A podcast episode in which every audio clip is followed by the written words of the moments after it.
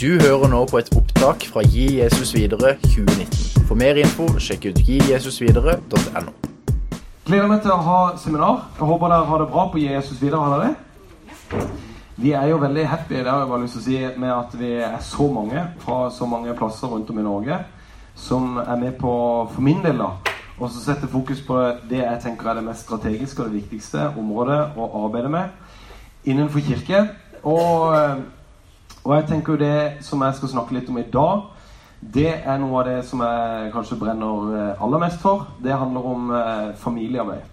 Jeg vil si litt om min, min, historie før jeg begynner. Og det, det er at eh, jeg har jobba som eh, eh, Vokst opp i Kristiansand frikirke og har gått der eh, gjennom hele oppveksten. Og så begynte jeg å jobbe som ungdomsleder i begynnelsen av 20-årene. Og så har, gjorde jeg det en stund. Flytta til Oslo, studerte teologi. og fortsatt jobbe med ungdomsarbeid. Og har vært i Fribu og jobba med egentlig ungdomsarbeid lenge der. Og etter å ble daglig leder og sett liksom litt sånn bredden av det, så har nok eh, for min del gått fra å være at eh, jeg brenner sykt for ungdomsarbeid fortsatt, eh, men til å liksom utvide perspektivet litt på, på hvordan vi kan virkelig være si, strategiske da, hvis vi skal jobbe med kirke og menighet. Og det har gått til å liksom se Vi vet alle statistikkene om at eh, før du er fylt 13 år, så er veldig mye av verdensbildet ditt danna. Og vi vet veldig mye om, eh, eh, om verdivalg og alle de tingene der. Om eh, eh, forholdet til om jeg, jeg, vil tro resten av livet. Er liksom de, det, det, er før du er fylt 13 år, så har du ofte gjort det. Eh, og så har du i ungdomsalderen hvor en tar en aktiv beslutning eller en bestemmelse om å ville følge Jesus resten av livet, eller hva en vil for noe. Og Det er en superviktig fase. Eh, og vi kan snakke opp og i mente og fram og tilbake om det.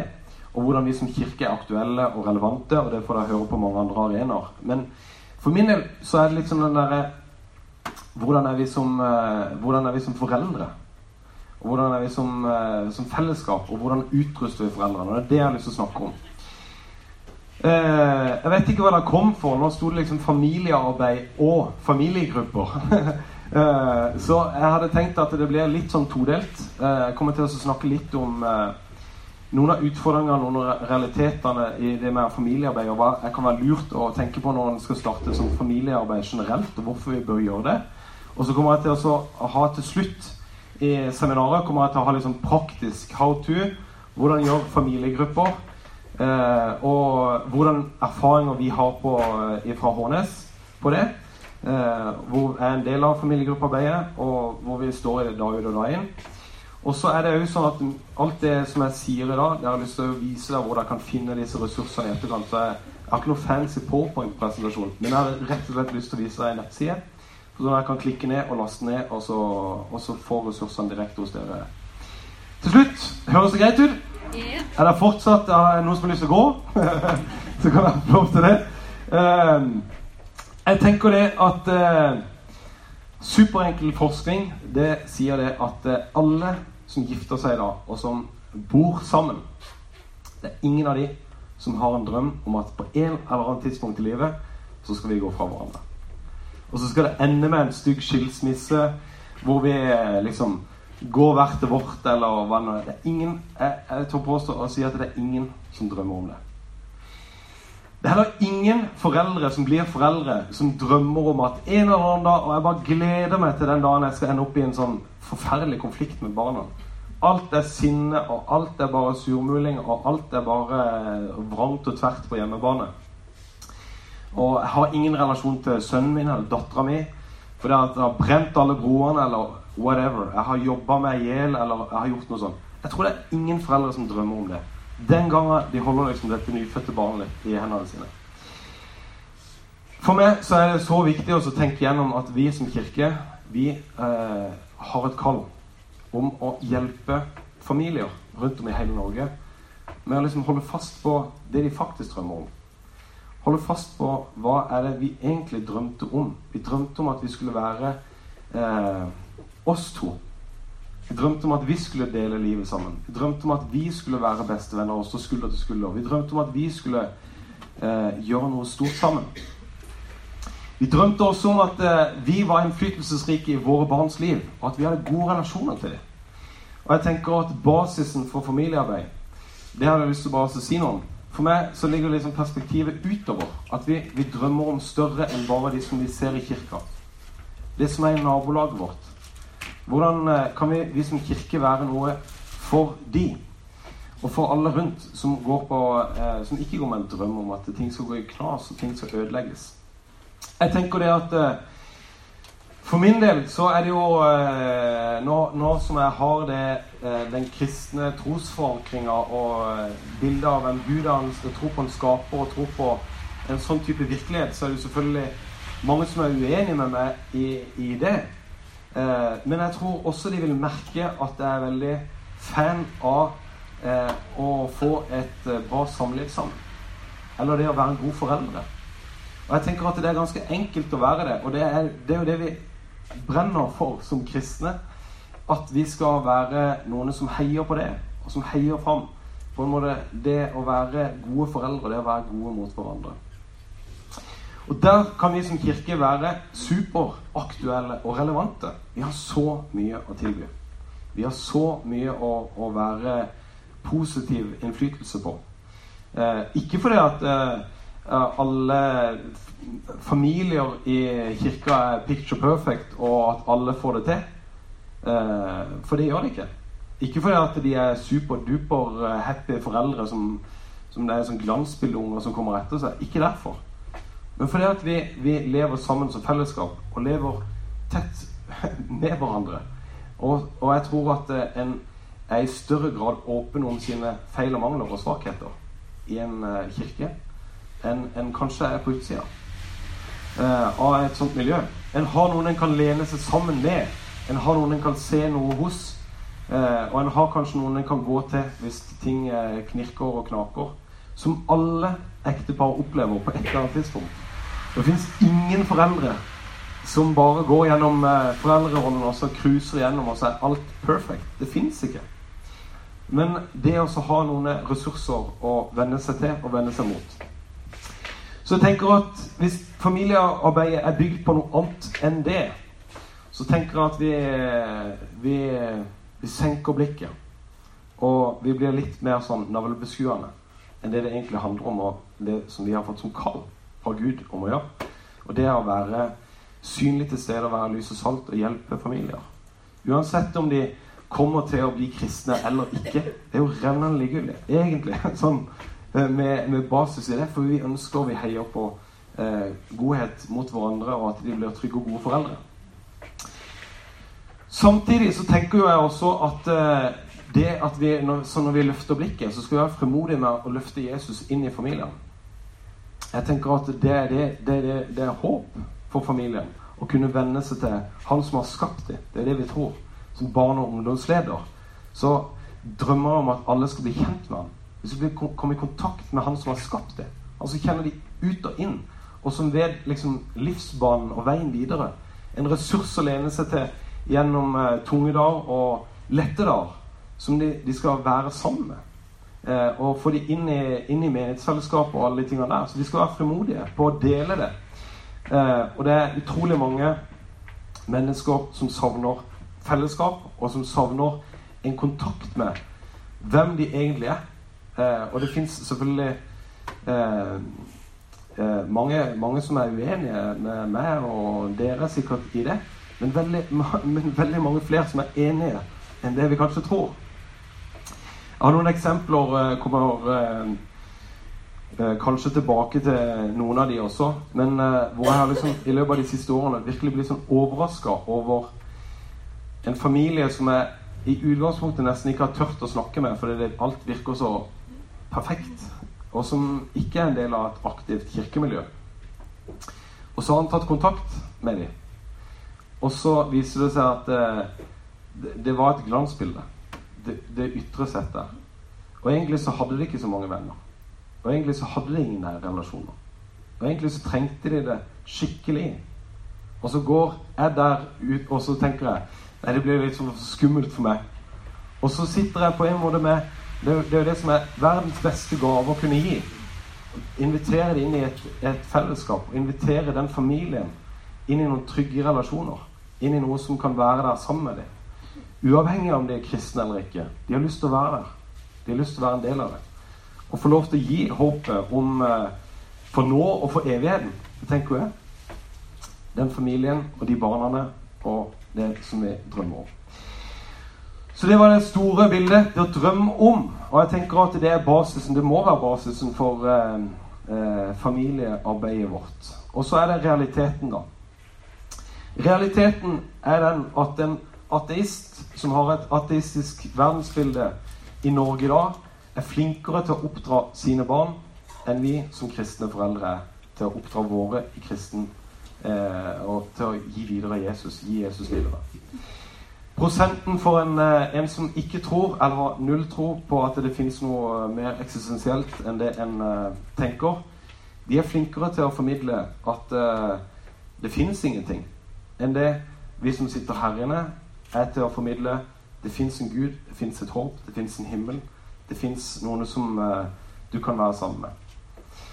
Det er ganske triste tall på en måte å lese om, om alle som på et eller annet tidspunkt har vært en del av et kristent fellesskap, og så forsvinner de ut. Enten det er på Enten det er, eh, det er veldig, veldig mange barn som forsvinner rundt tweens-alderen. Eh, og så kommer det noen inn igjen i konfirmasjonsalderen, men der forsvinner det like mange ut som det kommer inn. Og så er det egentlig bare sånn det er en sånn Jeg vet ikke om dere Hvis dere jobber i kirken eller har vært engasjert lenge jeg føler det er sånn sandkasselek. Du, du, begynner med en sånn stor hånd med noe, så kaster du sånn, og så, eh, og så blir det bare mindre og mindre og mindre. Og mindre. Og det er jo fryktelig frustrerende når jeg føler at vi sitter på de aller beste nyhetene til å formidle til en familie, til barn og unge, om hvem som er. Og så er det, er det sånn. Jeg tror at eh, eh, veldig mange av kirkene våre Og det, det eh, Jeg tror at vi er altfor lener oss altfor mye på at kirka skal fikse opp i, i problemet. Vi, vi, vet egentlig at hjemmet er det viktigste. Eh, og det er noen som har regna ut eh, disse timene at du sånn cirka i løpet av et eh, år så har du som er barnekirkeleder eller ungdomsleder, så har du kanskje 40 timer i løpet av et år som barn og unge, mens hjemmet har 3000 timer. Og så, så vet du at det er sånn. Men allikevel så ender vi som kirke ofte opp med å liksom faktisk ikke utruste foreldrene til å faktisk være de trosformidlerne i de 3000 timene. Vi fortsetter å tviholde på de der 40 som er liksom våre. Og så gjør vi det ikke godt nok inn mot hjemmebane. Og jeg lengter etter å se, og jeg, jeg, jeg så nå har liksom ser masse ting rundt om i Kirke-Norge. Jeg har gjort det i løpet av de siste 20 årene. Og jeg syns helt ærlig at det er ingen kirker som er radikale nok på å faktisk gjøre det. Enda. Jeg, jeg mener at ikke Årnes frikirke er det. Og jeg mener at det, det fins ikke så mange kirker som er det, og som virkelig tar den der statistikken på alvor, og som faktisk er med å utruste foreldrene. Men vi vet at det er faktisk det viktigste. Og jeg tror at noe av grunnen til det også det er at vi vet ikke helt hvordan vi skal utruste hjemmet. Jeg mener at Realiteten er, hvis du har en familie som uh, Hvor du ser der På den hjemmebanen der så svinger det. Disse barna her de ber og de leser Bibelen, og det er liksom god stemning på hjemmebane. Og, eller hva, altså, hva, dere legger i hva som svinger på hjemmebane. Men der, der har jeg noen bilder av noen sånne, sånne litt sånn forbilder. Noen som er sånn Sava, de får til den gode samtalen, og, og der er det liksom Alt virker liksom sånn superbra. Og så er, så, så er mitt spørsmål var det kirkas fortjeneste, den lokale menigheten? Veldig ofte så tenker jeg at eh, det handler mer om flaks. For det handler, det, det, liksom, det handler mer om at de som familie faktisk har hatt et eller annet møte hvor de som familie har bestemt seg for noe veldig viktig nå. Ikke at kirka har vært den der store eh, liksom pådriveren i det og hjulpet til det. Ellers har de tatt en familie-DTS. Er med? Skjønner dere hva jeg mener? Det er av og til sånn, dessverre, syns jeg, da, at vi som kirke vi utruster for dårlig hjemme til å ta den rollen. Og vi, vi vet ikke helt åssen vi skal gjøre det. For hva skal vi gjøre, da?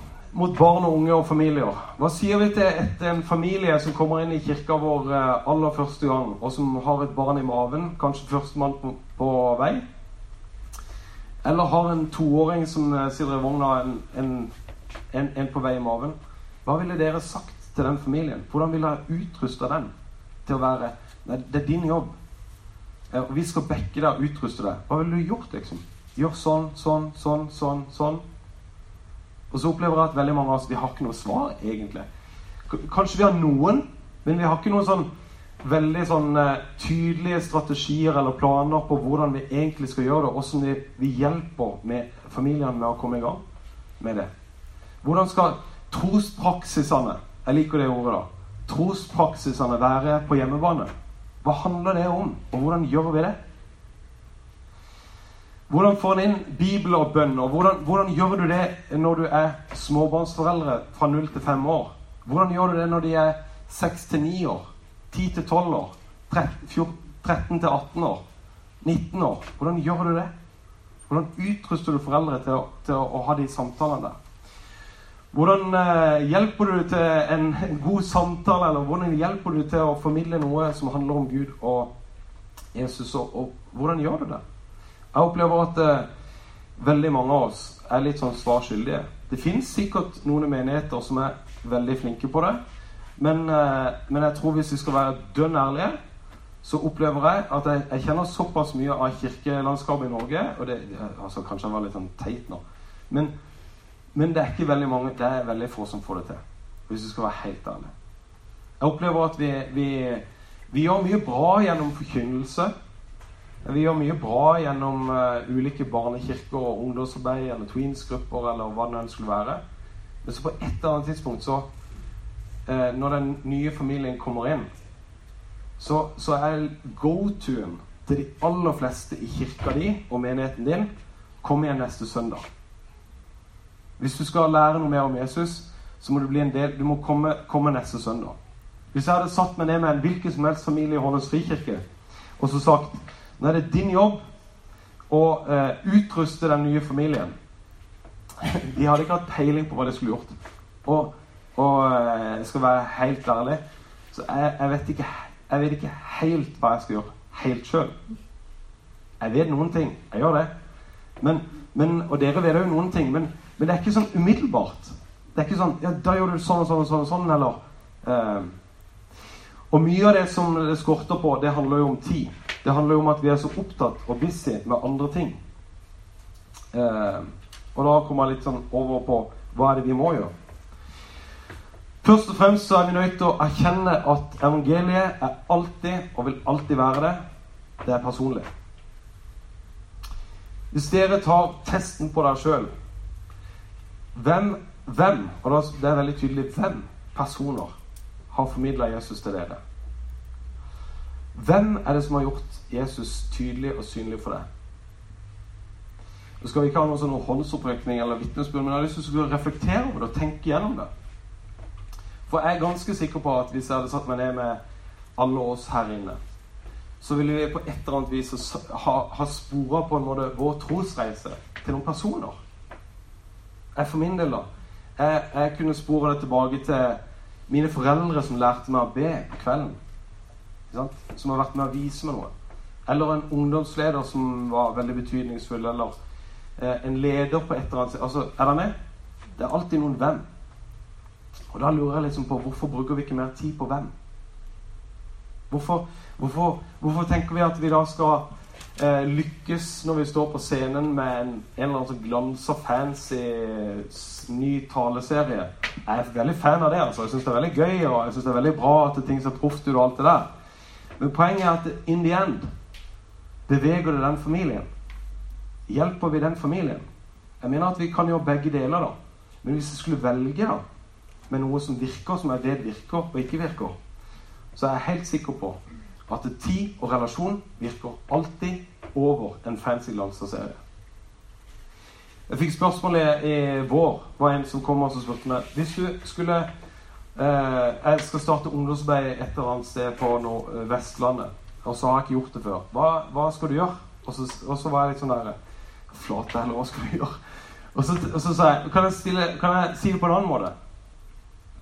Jeg kan svare deg på noe som jeg aldri har angra på. At jeg har investert tid sa jeg til ham.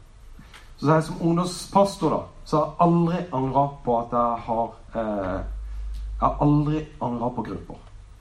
Aldri. Jeg kan, jeg kan, ikke komme på en sånn en gruppesamling hvor jeg samla de guttene som jeg hadde ansvar for, og som jeg tenkte ja, dette var sykt bortkasta tid. Eller jeg kan, jeg kan, aldri huske at jeg angra på at jeg har investert i noen ledere. Jeg kan, jeg kan ikke det. Det er sånn der, Flate heller. Jeg brukte altfor mye tid på å investere i noen enkeltpersoner og gi det videre til dem.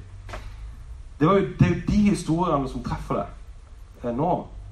Eh, og jeg fikk just en som kom til meg og så sa det at eh, hadde det ikke vært for deg i konfirmasjonstida, så tror jeg ikke jeg For da sto han der med, med svigermora si. Så sa han eh, det er ikke sikkert at eh, jeg hadde truffet dattera di, og at vi hadde vært i familie. For jeg tror ikke jeg hadde vært kristen da. Og så sier jeg det handler ikke om meg. Det handler ikke om Håvard Haugland. Oh, han var så flink. Det handler ikke om det i det hele tatt. Det handler om å ha en person tilgjengelig for mennesker som gjør det personlig. Og som gjør evangeliet personlig. Det er det det handler om. Det handler kort og godt om det. Det handler ikke om meg i forhold til den personen, men det handler om at jeg var til stede der og hadde tid da. Og at det var mye mer enn det. Han husker ikke en ting av det jeg har sagt. Jeg er helt overbevist om det. Eller alle de fancy formuleringene eller hva jeg hadde gjort. Men jeg hadde, hadde investert i relasjon og brukt tid. Så hva handler det om? Hva er det vi skal hjelpe eh, familier med? Og jeg syns Edin Løvaas eh, er den som har den beste definisjonen på hva en disippel er. Eh, og han, han sier Edin Løvaas som eh, dessverre ikke lever nå lenger, men som eh, har hatt, satt et skikkelig positivt og godt fotavtrykk i norsk kirkehistorie, snakker om at en disippel er en som blir forent med Jesus og hans interesser i verden. Og enkelt som det. En disippel det er en som blir forent med Jesus og hans interesser i verden. Jeg, jeg syns ikke jeg kommer på noe bedre eh, visjon egentlig for det. Og hvis vi skal hjelpe familier, så skal vi hjelpe dem med akkurat det. Det er liksom lære Jesus å kjenne. Og så, når de lærer Jesus å kjenne, så, blir, så, så, skjønner de hva er det du er opptatt av. Hva er det du er opptatt av, Jesus? I vår familie, med de menneskene som bor rundt oss. Og hvordan kan vi være med og, hvordan kan vi være dine øyne, hvordan kan vi være dine ører, hvordan kan vi være dine hender? Hva er det du er opptatt av rundt her? Og veldig ofte så handler det ikke bare om at eh, jeg, jeg, tror at Jesus er veldig opptatt av mange andre ting enn at eh, nå må dere huske, nå må dere lese i Bibelen. Jeg tror at Jesus er veldig opptatt av Og hvis du skal være forent med hans interesser i verden, så handler det om å hjelpe den mora eller den faren til å være en trygg favn for det barnet som de får første gangen. Det er super. Um, jeg fikk jo lyst til å bruke et sånt konkret eksempel. Men uh, det er nydelig med sånn, den, den, barnet som ligger bak der. Og som lærer noe om Guds kjærlighet. Og som lærer noe om at det er trygt å være noe sted. Og da er vi, vi er superkristne når vi, når vi vugger på barna våre. Eller vi tar dem opp på, på fanget vårt og trøster dem. Da blir, da blir forent med hans interesser i verden.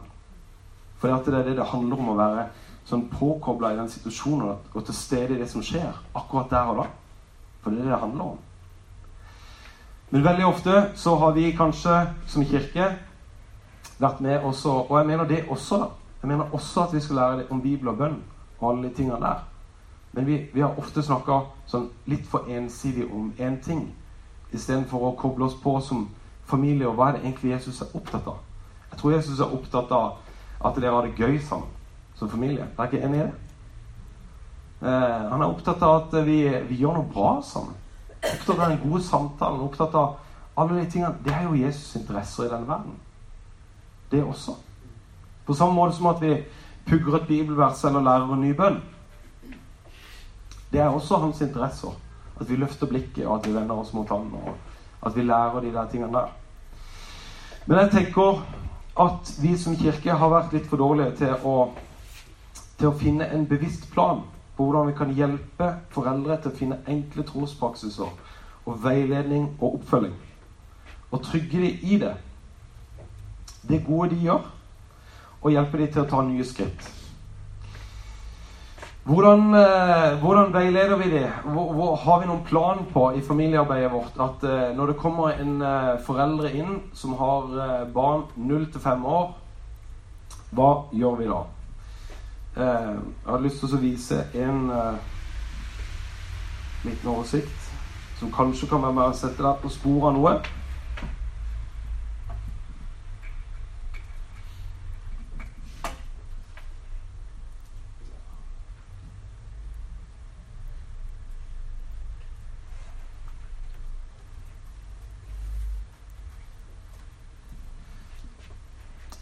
Skal vi se her Jeg tenker noe sånn som dette. At hvis det, det, er noe som vi kan gjøre som er viktig for de ulike fasene, 0 til 5 år, så handler det om å introdusere trospraksis og menighetsselskapet.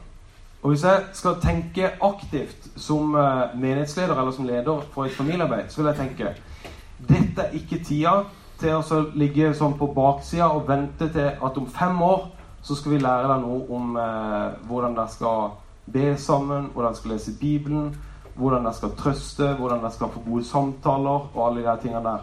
For det er jo det vi ofte gjør som kirke. Vi tenker at eh, eh, nå er det så mye for dem.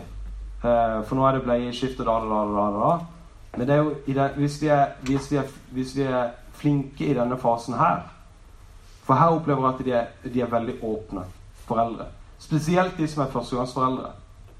Hvis, du, hvis, du ikke, hvis ikke du er på i relasjonen i, så, til førstegangsforeldre, og, de får, og, barnet bikker seks år Skal vi si deg hva de tenker da? Når du kommer som menighetsleder eller som arbeider, eller hva det nå er, og så sier at nå skal vi hjelpe deg med å få, få inn noen gode vaner i hjemmet. Så tenker de ja, men det, det er flott, men jeg greier dette fint sjøl. For jeg har jo greid det så langt som dette. Det tror jeg de aller fleste vil gjøre. Vi har funnet en slags rytme. Vi har funnet en eller annen måte å gjøre det på. Eller vi, vi er ikke så åpne lenger. Men jeg opplever at barn, foreldre som har barn i alderen 0 til 5 år, er veldig åpne og trenger veiledning og ønsker det. Så hvordan skal du gjøre det? Hva skal vi, hva skal vi gjøre for noe? Hva skal vi si til det? Da har vi lagd noen, noen, ark, det skal jeg vise deg også, som ligger på frivillig.no. Og her har vi et forslag. da. Og dere kan gjerne be, uh, finne ut om dette er bra eller ikke. Men for å introdusere noen trospraksiser, så vil jeg si til det, den familien ja, eh, Rytme. Det handler om å bli kjent med Bibelen og etablere enkle leserutiner for barnet. Det å ha en barnebibel, det å bla i den, det å gjøre det, det er superbra. Det å bli trygge på å be sammen med barnet, be, bruk enkle bønner, takkebønner eller, eller velsignelsen, det er superviktig. Og Hvis du som foreldre aldri har bedt en, en bønn høyt i ditt liv Nå er tida di. For nå har du en helt ukritisk eh, person som ligger i armene dine. Og som, han, han, eller hun bryr seg ikke døyten om hva du sier, men han bryr seg om hjertet ditt. Og det er jeg ganske sikker på er ganske stort for det barnet. Så be over barnet. Velsign barnet. Legg gjerne hånda på dem. Bli vant til å be velsignelsen over dem. Tegn kors i panna på dem. Altså, gjør det når du går og vugger der. Syng sanger for det, eller eh, gjør det. Hør på Og så plutselig så er vi med på å bygge noen gode trospraksiser. Er dere enig i det? Fellesskap. Skap trygge og gode relasjoner i kirka. Jeg mener at alle kirker må ha som hovedfokus også, det er for oss, da, å være aktuelle for denne fasen. Det kan gjerne det er veldig billig å være litt mer aktuell den, i den fasen, iallfall hvis du har et kirkebygg og sånne ting. Du kan gå på Kiwi på lørdag, og så kan du kjøpe spedbarnsbleier og barnemat. Og så kan du legge det på do. Og så hvis det kommer en ny familie inn der, så kan jeg si eh, Og de har glemt ei bleie, så er det sånn Ja, men det har jo selvfølgelig vi. Vær så god. Og så følte de seg litt mer tenkt på, eller hva det skulle være. Eller det at de, de skal komme på gudstjenesten, at de får noe ut av det. At det liksom er lagt opp til at de kan, de kan bli en del av det fellesskapet. Ikke sånn at eh, nå må en av dere velge å være med på gudstjenesten i de neste ti årene, og den andre må stå på ganga og få ikke med seg noen ting. For det er jo det som ofte skjer. Da gidder han jo ikke. Da er det jo like greit å være hjemme. da. Vi som kirke må være eh, aktuelle og være der.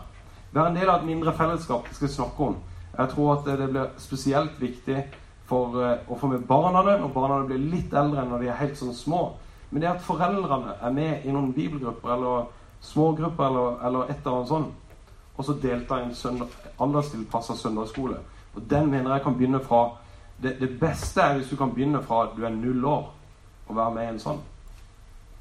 Og det, det som er, er at eh, Hvis du kommer iallfall med førstemann, og du som kirke sier at vi har, eh, vi har et bra opplegg for de minste barna, de som er null år, så, så, så, vet vi at de, de, får ikke sånn fryktelig mye ut av det. Men der er foreldrene det viktigste. Så du tenker Wow, hei, dere er proffe, dere tenker på meg, liksom. Er dere med på den? Oppdrag. Hold fokus på å bygge relasjoner med andre familier. Gjør dette. Hverdagsmiddag er det mindre aktiviteter i nærmiljøet. Bli trygge på å snakke om tro og dele troserfaringer med andre. Det kan vi øve på. Og lære å fortelle andre om Jesus og invitere dem i kirka. Og så hadde vi plutselig noen konkrete trospraksiser. Og jeg sier ikke at det, Gjerne finn deres egne, liksom. Men finn noe, da. Finn noe som sier at dette er bra. Vi sier egentlig helt innledningsvis her at eh, hvis vi som kirke og du som familie kan bli enige om å, bli, å få til disse enkle sannhetene her i løpet av de første fem årene, så har dere som foreldre lykkes og gjort noe kjempebra. Og det handler om at eh, dere hjelper barna å forstå at Gud har skapt dem, at Gud elsker dem, og at Jesus vil være de sin venn. Og Hvis vi greier å etablere det inn der, og fordype det videre i livet Tenk hvor fantastisk det hadde vært hvis alle femåringer som gikk rundt her, tenkte Gud elsker meg. Gud har skapt meg. Og Jesus vil være min venn for alltid. Da har vi lykkes. Du, og da, Derfor sier vi til en, en uh, småbarnsforeldre Når du går tur ute i skogen, og du, du finner et blad på bakken, så ser du på, på alle de bladene så tenker du Wow, så fint at Gud har skapt så mye fint i naturen. Og så hjelper du barna også å holde fokus på Gud har skapt det, og jeg var så utrolig fornøyd med det han skapte. Se hvor fin du er vakker det er. eller Og så er vi med på, midt i leken og hverdagen, så er vi med altså kobler bro og gjør ting aktuelt inn i eh, Henger dere med? Eh, jeg tenker at eh, vi, eh, vi, vi, kan gjøre det. Og her, dere skal få noen, eh, få noen, eh, få noen sånne ting som dere kan tygge på mot Eller vise det. Og Jeg skal ikke ta så veldig mye om disse andre, men det handler om å utvide. 69 år, så tenker jeg det handler om å utvide trospraksiser og familienettverk. Hvordan hjelper vi barn og familier til å liksom få Nå har de fått et litt grep på det. Vi vet litt om hvordan vi skal forholde oss til rytme, vi vet litt om fellesskap, og vi vet litt om oppdrag. Men hvordan handler det om å utvide nå? Hvis du har en familie som har første barn bikker seks år, så er det fornuftig å koble seg på andre familier at en ser hvordan gjør andre familier det når de ber sammen, eller når de leser Bibelen sammen. eller hvordan, hvordan eh, så, begynner å knytte miljøet på tvers av, av barna også. Og at de, de får et liksom, følelse litt mer enn eh, bare meg og mamma og pappa og kanskje der. Men én eller to eller tre familier til som vi blir knytta inn i. 10-12 år. Det handler om å bekrefte selvvilje og utruste eh, barnet til ungdomssinn ved å bygge gjeng. Jeg tenker at det her kan vi være superaktuelle for en, en uh, familie. Hvis det hjelper foreldrene til å tenke Hvis du nå gjør én ting, og det er det at du investerer i eh, miljøet til barnet ditt, så er du superlur. Gjerne inviter dem hjem. Bygg gjeng. Gjennom, det er forresten skrevet ei bok som heter 'Gjeng' av oh, Imi kirka. Den er en superressurs. Den, eh, hvis jeg holder på med tweensarbeid, eller noe sånt, så hadde jeg bare kjøpt den og så hadde jeg gjort eh, det de gjør der. Den er dødsbra. Eh, 13-18 år det handler om å selvstendiggjøre og hvordan vi følger de gjennom det. Og 19 pluss det handler om å myndiggjøre unge voksne for livet videre. Og vi drømmer jo om, iallfall gjør jeg det, da, at eh, når de da kommer og er 19 år, så har de en, de har en, en tro som de tar med seg videre. Eh, på flyttelass, om du vil som er sånn at ja, men da er jeg, jeg skjønner hva det er. Jeg er blitt forent med Jesus. Jeg gjerne finnet, Det er kanskje litt sånn gammelmodig ord, men liksom, da skjønner jeg jo innholdet i det. Det er å liksom bli venn med Jesus og hans interesser i verden. Hva betyr det for meg nå? Når jeg er 19 pluss og skal inn og studere i Oslo. Og Hvis vi hadde lært barna trospraksiser gjennom hele opp, oppveksten, så vil jeg tenke at da snur vi den statistikken som handler om at ateistene er bedre på å forklare verdensbildet enn det vi er. For det de naturligvis ville gjøre da, det var det at de ville finne trospraksiser på de stedene de flytta til. De ville vite at jeg må knytte meg til et fellesskap. De vil vite at det må finnes en rytme i livet mitt. Og de vet at de har et kall og et oppdrag som er for mer enn bare meg og mitt, og jeg skal tjene penger i livet, eller whatever. Og de vet også at det bare ikke handler om bare Bibel og bønn, men det handler om helheten. At Jesus er opptatt av hele livet mitt og hvordan det ser ut videre. Er vi, enige, er vi enige i det? Det er god stemning. Det er god stemning her i lokalet. Det er veldig bra. Ja, det er jo for så vidt ikke helt, da. Ok, Men uh, det, var, det, var, litt om familiearbeid. Og nå har jeg litt uh, på slutten her uh, tenkt å snakke om familiegrupper. Så hvis du kom for familiegrupper, så kommer det nå. jeg er kjempeglad for at jeg har fått lov til å bli en del av Hånes frikirke. Vi flytta her for ti år siden, og jeg ble, fikk spørsmål om å være som ungdomspastor. Jeg har eh, vokst opp i Kristiansand frikirke, som ligger vegg i vegg her. Og det har jo vært en kjempefin menighet å vokse opp i. Men jeg har faktisk alltid et litt sånn savn da når jeg gikk i Kristiansand frikirke. For det var en veldig stor menighet. Iallfall når jeg vokste opp. Uh, og det er fortsatt en stor menighet, men det er veldig sånn aldersinndelt. Alt som skjer i kirka, handler om liksom sånn Vi blir splitta opp, da. Så jeg går i barnekirka eller søndagsskolen, og mamma og pappa går der. Og så gjør vi sånne ting, og jeg, tror det er det er greit det av og til å gjøre det i kirka, men det var veldig lite sånn der eh, at meg og mamma og pappa og min søster Vi er en liten familie. At vi hadde et oppdrag sammen. Jeg husker når vi var altså, rett rundt 19-20 år, så, eller jeg var, var, kanskje litt mindre, 17 år, så hadde vi sånn Vi, vi har et oppdrag dette året her, og det var det at vi skulle eh, arrangere jul for de som ikke hadde noen familie. Det var dritgøy å gjøre sånne ting sammen som eh, familie. Eh, og uh, jeg, er jo glad i å stå foran og prate. Og, så, og min mor og, hun er kjempegod på å organisere. Det er hun elendig på. Og min søster er god til, til litt av begge deler. Og så, og så videre. Vi fikk brukt hverandres styrker og gaver og egenskaper. Og så, liksom så, og så plutselig så fikk vi til noe. Og så var det 50 stykk der. Og så hadde vi en kanongøy julaften. Og så satte vi oss ned på kvelden liksom seinere på dagen. Og så var det sånn der Fy søren, dette er den beste julaften vi har hatt. liksom Eh, og så fikk vi lov til å gjøre det fordi at vi var, vi, var knytta sammen i et felles oppdrag som familie. Fordi at eh, vi, var, vi var helt overbevist om at troa var viktig for oss, hvordan vi kan være med og gi den videre på en eller annen konkret måte. Så jeg har alltid savna liksom den derre Vi gjør noe sammen, noe felles oppdrag. I Hånes så har de jobba med familiegrupper i veldig mange år før vi kom inn. Eh, og heldigvis har vi bare fått lov til å bli del av det. Eh, det har vært en del av DNA, DNA til Hånes frikirke når de starta. Så har det alltid vært eh, gudstjeneste annenhver uke. Og så har gruppene, for å få tid til gruppene og samtaler og relasjonen så, så, vi kommer aldri til å starte med gudstjeneste hver uke. I alle fall ikke så lenge jeg er eldsterådsleder. Eh, da kommer jeg til å slutte, faktisk, tror jeg, som eldsterådsleder. Den gangen menighetsmøtet sier vi er nødt til å ha gudstjeneste hver uke. Fordi at eh, har sånn igjen hvis vi skal bevege de familiene rundt der Det er ikke de fancy glans, det er tida sammen med dem. Er vi ikke enige om det? Vi må, eh, vi må, bruke tid sammen. Vi må inn i tette og nære relasjoner. Og det er jeg superglad for at jeg får lov til å være en del av. Vårt, eh, vi drømmer om å bli 150 stykker smågrupper, eh, familiegruppearbeid. Når vi starta, liksom igjen for noen år siden, så var vi tre-fire familier, og nå er vi en 15-16 familier. Som er i tre forskjellige ulike familiegrupper. Vi drømmer om å bli enda flere. Eh, og vi ønsker å lede mennesker til tro gjennom det. Og jeg opplever det sånn at eh, de familiegruppene vi har, det er eh, veldig enkelt å invitere med seg nye og folk som ikke tror. Vi har, vi har mange av de familiene som er nå, hvor det er iallfall Jeg vet om fire av mennene som ikke er kristne, som ikke tror. Eh, men de digger familiegruppe. De syns det er gøy å være der, liksom. Eh, og kona er kristen og ønsker å være Og så eh, knytter vi relasjoner, så har vi det gøy, og så bygger vi relasjoner over tid. De er selvfølgelig med på sånne gøye ting som menighetstur og sånne ting, selv om de ikke tror. Eh, fordi at eh, de kjenner noen av oss, og vi kjenner hverandre, og vi er, litt, vi er tett på livet til hverandre. Eh, jeg tenker at familiegrupper funker best når Eldstemann av barnet i familien er tre til fire år. Altså Det er ikke et småbarnsarbeid med førstemann.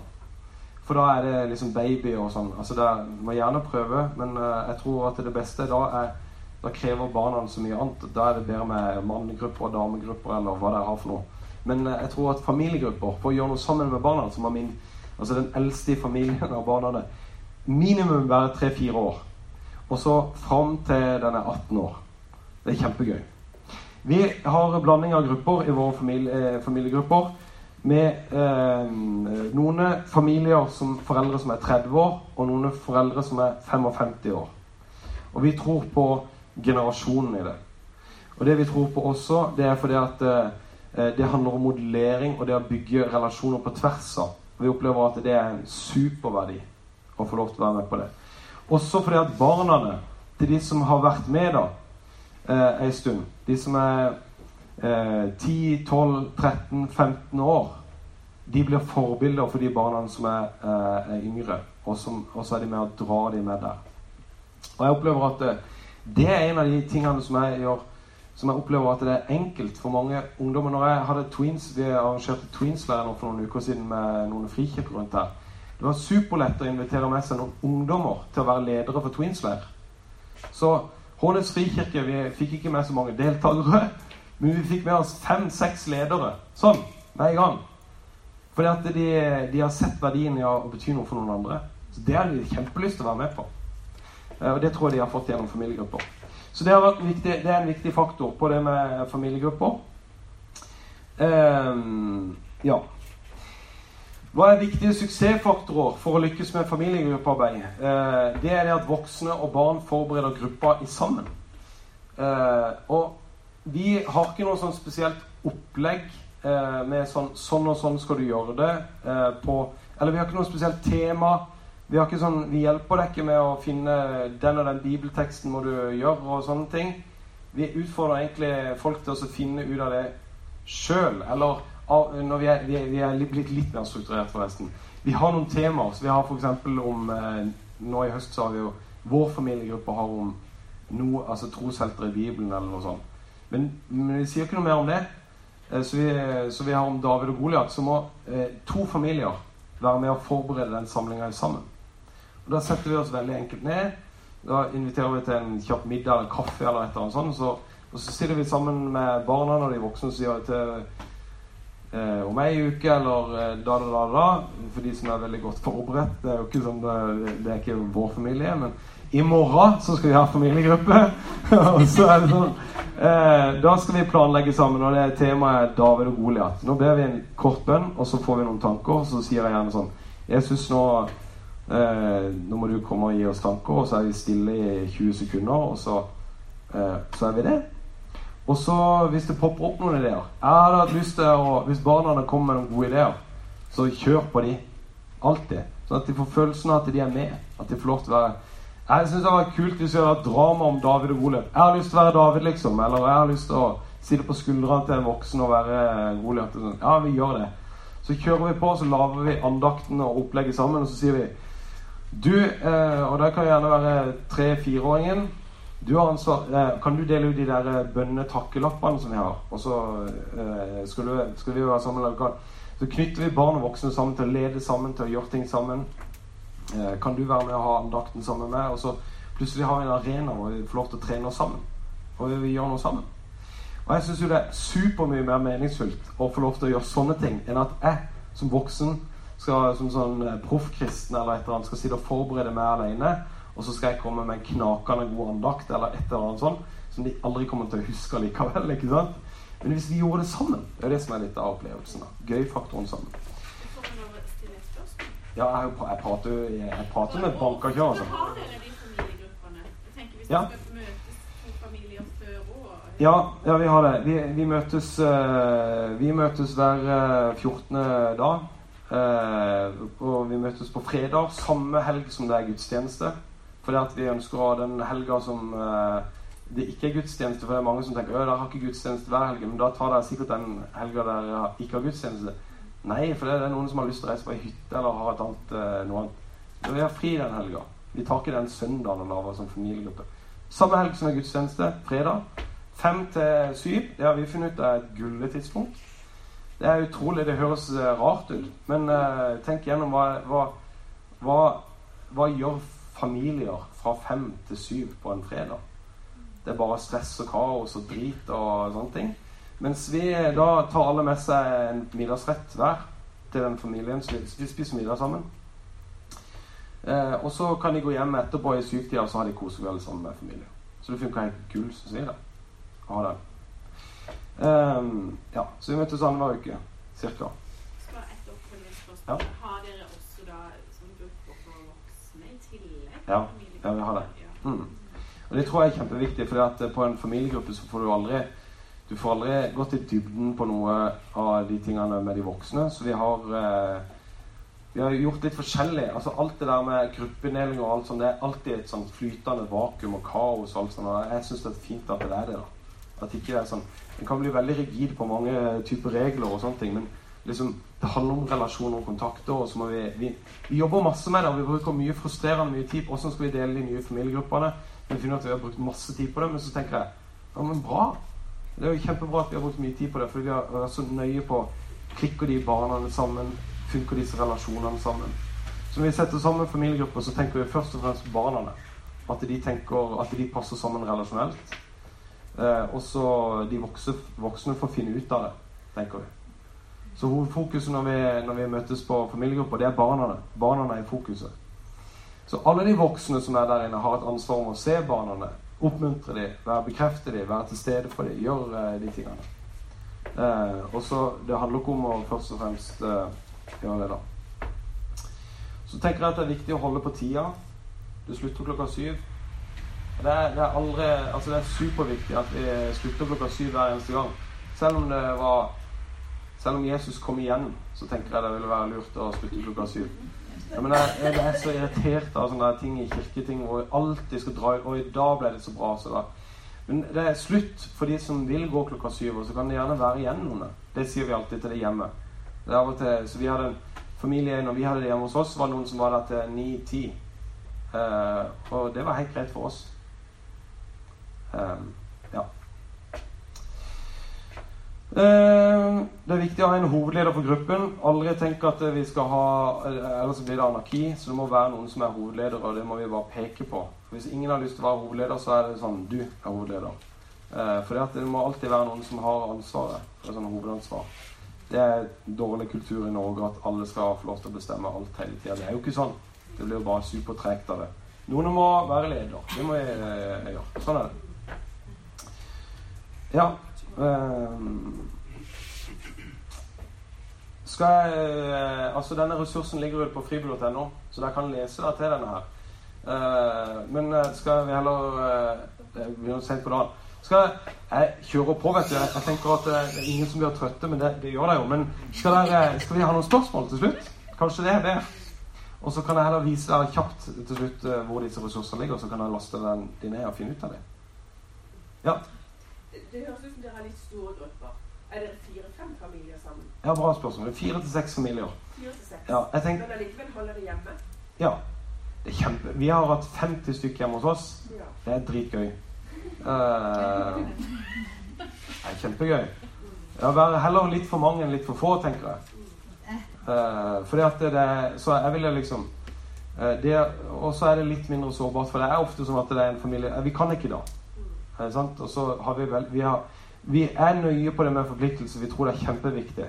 Jeg vil også si at vi kommer hver gang. Det er prioriteten vår at vi skal komme. Eh, så vi snakker om det jevnlig. Men av og til så krasjer det. Det, da er det liksom eh, Da må vi ikke halshugge hverandre for det. Men det er heller litt flere enn for få, syns jeg. si. Så tenkte jeg også på det med hvordan på en måte kommer du inn i en gruppe. Deler dere, eller tar dere dette opp en gang i år, eller hvordan gjør dere det? Eh, vi vi, vi, vi, eh, gjør vel sånn cirka en gang i året. Men så er det, altså skjer det ting underveis. Det er liksom sånn, når jeg var på leir, så var det en leder som jeg var på leir sammen, som sa at eh, vi fikser alt. Kom med alle spørsmål, så fikser vi det. Det er en deilig holdning å ha. Kan jeg bytte rom? Ja, selvfølgelig. Vi skal finne ut av det. Liksom, altså, det Gruppa funker ikke helt. Ja, men vi finner ut av det. Altså, sånn er ikke åh, Det er superteit når det er sånn Nei, nå har vi noen regler, sånn og sånn og sånn. Og sånn. Eh, eh, og det er jo sånn som noen, noen ganger så er det sånn at eh, Jeg mener det at de vi har vokst opp som, som har hatt veldig sånn identitet i det familiegruppearbeidet i Hånes frikirke, de hadde veldig sånn at de i familiegrupper, de voksne der, de måtte være i gruppe sammen. Det er vi som er litt yngre, utfordra. Hvorfor er det nødt til å være sånn? Altså, Jeg har noen relasjoner her og der, kan vi ikke bygge Og så har vi det, Jeg syns det funker bedre når vi tør å være litt Altså ta det som funker. Det er, det er liksom Prøv ting. Test ting. Og så er det fint, liksom. Her var en skål bak da. Den gruppa, la oss si den gruppa du er i nå, hva er aldersspennet på ungene der? Hvis, de, hvis du har vært 50 stykker hjemme hos dere, hva er aldersspennet på de ungene? 0 til 18. Og spørsmål nummer to er hvor ofte gjør dere noe eh, sammen utover at dere, at dere Jeg vet ikke, jeg fikser en uh, lekeplass eller uh, deler ut mat til, på frimat i Frikirka byen, eller gjør den type ting. For det, jeg tenker, for en menighet som ikke har starta dette, så ville jeg ønske å starte noe med enda mer utadrettet fokus, hvor vi gjør noe sammen utover. Ja, og det Det er sikkert rett, det, liksom. Og så tenker jeg jo bare, hvis vi er inne på det der med at uh, vi skal gjøre foreldre lykkes da med trosformidlinga, så kan jo det med kirke jo være sånn der eh, Åh, enda en akt. Skjønner du? Der, altså Jeg opplever at vi er ganske utbredt med de gruppene vi har, faktisk. Og igjen så mener jeg det er viktig å bygge relasjoner med dem. Vi har veldig mange som ikke er kristne i, i familiegruppene våre. Så for meg så vil det være viktigere kanskje akkurat nå eh, å gå på besøk til en kompis enn å bygge en lekeplass, for å være helt ærlig. Men, men finn gjerne et prosjekt eller noe, reis på tur eller gjør et eller annet sammen. Det er kanongøy. Men liksom sånn der, hvis det er sånn du må gjøre dette for å lykkes, så er det liksom sånn Jeg vet ikke. Ja. Hvordan forklarer du hva en familiegruppe er for noen som ikke er kristne? Som du vil invitere inn? Det beste er at eh, jeg har lyst til å komme og se. Ja, ja, men sier Ja. du noe helt kort om hva, Ja, jeg sier at vi treffes eh, så og så mange familier, og vi spiser middag sammen. Og så har vi kort samling hvor vi, vi ber litt sammen. Vi har noen eh, bønner. Vi har en andakt eller en sånn eh, samling. Og vi, vi, vi har en fast gang på det. Det ligger ute på fribiblioteket en sånn konkret plan. Og så er det avslutning og kaffe til slutt. Det er superhyggelig. ja, så Bli da kjent med noen. Ja, ja, ja. Mm. Jeg, kan, vise deg det. Um, så, um, så ligger det der ute. Bare skyt noen av andre som hadde et spørsmål. Jeg lurte på en ting. Hvis du er klar.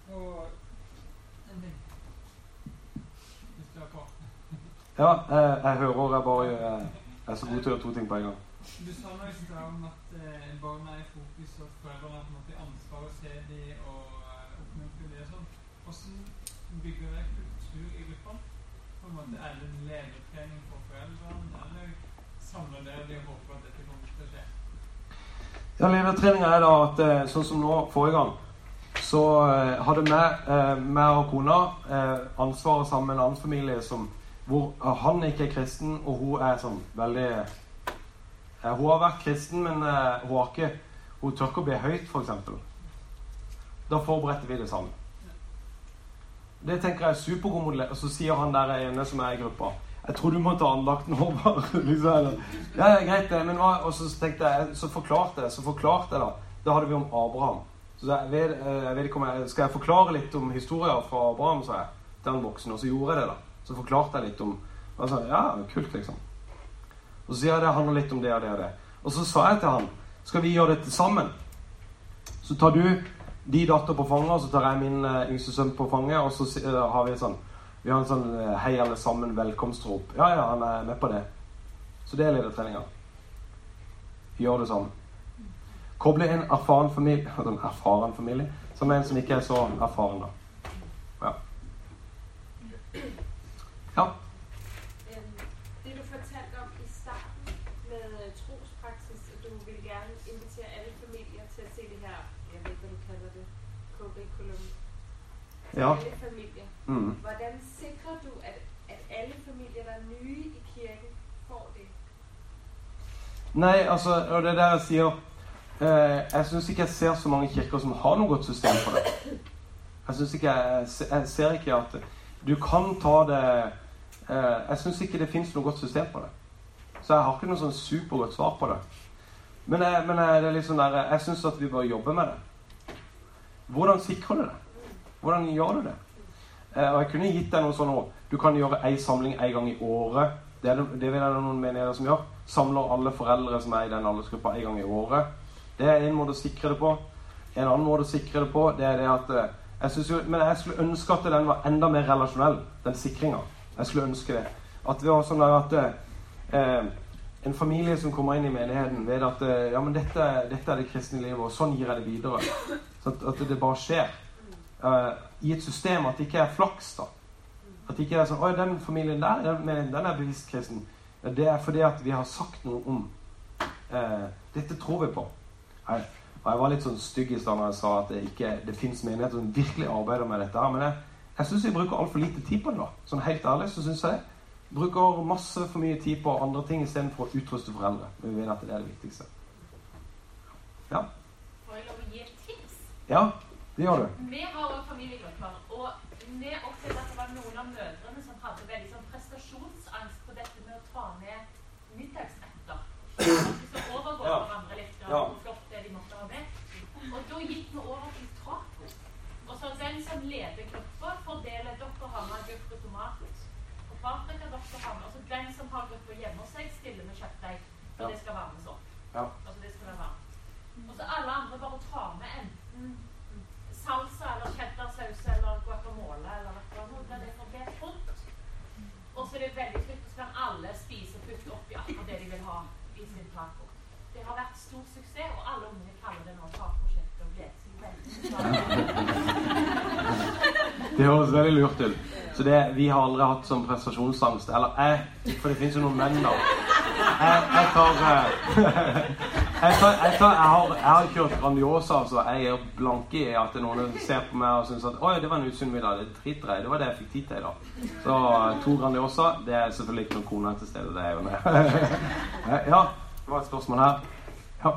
Eh, Men på det, for hvis du da har eh, familier som kommer fra mye store deler av verden, og som bl.a. har veldig ulik matkultur, i tillegg til språkutfordringer, har dere noen erfaring er det, Eller er det, snakker du nå ut fra en mer monokulturell Ja, jeg, jeg, ja sånn, det er sånn vi har hatt det. Men jeg, jeg kan ikke skjønne hvorfor det ikke skulle være gøy å bare ta med seg alle mulige matretter. At det må være supergøy, liksom. Jeg ville jo tenke at det ville være Jeg ville digga vært med i en sånn gruppe. At det var sånn der Jeg elsker altså, Og det er jo Selv om vi er en monokultur, så er alle elsker indisk, gjør det ikke det? Eller eh, asiatisk, eller eh, Altså, det er jo bare Oh, nice. Hvis det eh, Og så tipper jeg at det fins en asiater som liker taco. eller Altså, det, så det, men ikke gjør det for vanskelig. Det er jo det som var poenget her, var det ikke det? Eh, språk eh, altså Jeg vil jo at dere er det kirkesamfunnet eh, baptist eh, som er best på det, og så treffe eh, multikulturelle Norge. Det er jo ikke de andre kirkesamfunnene så gode på. Jo, men det er, ikke, vi er ikke, det er jo sånn, det å ha sånne, type grupper tror Ja. jeg ikke Du skal lete lenge etter. Ja. Men bare veldig kort så skal jeg bare si det at her ser dere, jeg kan lese gjennom dette. Dette ligger på frivillig.no. En plan på hvordan du skal gjøre det. Vi følger denne ganske slavisk, altså. Vi har noen bokser som er forbundsplass, godteriboks, overvannsbord, takkeboks. Så går vi gjennom det. Vi synger to enkle sanger.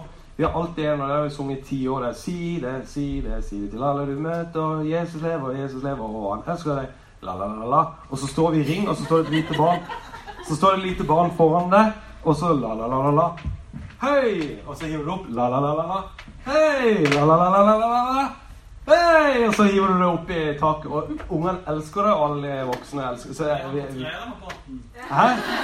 Ja, jeg tror begge. Det. Og så er det kort undervisning, gjerne drama, undervisning, minnevers, og så er det kort gruppesamling. Det er av og til at vi ikke får til det. Eh, minnevers, det er ikke alltid at vi får til det, men eh, vi får det av og til til. Trekke forbundslapp, at vi ber for hverandre til neste gang. Det har vært supersterkt. Hvis alle i gruppa er på en lapp, og de ber for den til neste gang, så er det sånn superdigg. Når treåringen sier eh, 'Jeg skal be for deg', og kommer på deg, eh, Håvard. Og sier jeg kult', og da kommer jeg til å ha en superbra uke. Eller du sier til den tiåringen 'Jeg var så heldig jeg trakk deg i dag. Jeg skal be for deg hver dag'. Så er det sånn. Eller den eh, ikke-kristne 'Vet du hva, jeg skal be for deg'. Eh, nå. Eh, og så overraskelsesfamilie. Det har vi faktisk Det får ikke vi til, apropos det å gjøre mer. Eh, vi, hadde en sånn, vi skulle egentlig trekke nå, så skulle vi gjøre en gøy ting for neste familie. Vi opplevde at vi ikke fikk det til. Og da er det bedre å bare slutte med det. For det ble sånn ekstra det ble sånn, Apropos høye skuldre. Dette må være gøy. Det må være enkelt, det må være bra. Um, så gjerne begynn. Eh, Istedenfor å gjøre eh, hver 14. da, prøv dette to-tre ganger i løpet av et halvår. Finn ut om det er gøy, og så gjør mer av det. Hvis dere syns at å, nå ble det litt mye, slakker deg litt på tempoet igjen. Bare, dette er viktig, det er viktigere at vi gjør det, enn at det fins en mal å opplegge for det. Der kan gå alt dette ligger på fribu.no. Hvis jeg går på Frivillig Tro hjemme, så ligger alt. Her ligger det foreldrekvelder. Gratis, nederlagsbart, eh, video og alt sånn. Her ligger faseverktøyet. Her ligger faseverktøy. Alt er nederlagsbart og gratis for det dere vil. Da ligger det sånn. Og her har du en eh, sånn ting som jeg viste der. Så ligger alt det der. Og så det siste som jeg skulle vise der Nå er jeg snart ferdig, altså. Jeg ser at du stresser bort det. Det var familiegrupper. Det ligger der. Bam! Last ned. Så der er alt, alt det jeg har sagt. Familiegrupper, viktige suksessfaktorer, program osv. Og bla, bla, bla. Ring hvis det er noe dere lurer på, eller dere eh, tenker at dere har hatt noe. Jeg beklager at eh, jeg ble lett å prate mye, men eh, tusen takk for at jeg fikk lov til å, at dere kom. Og at eh, hvis dere har lyst til å stille noen spørsmål til meg etterpå, så blir jeg igjen litt her. Takk for meg.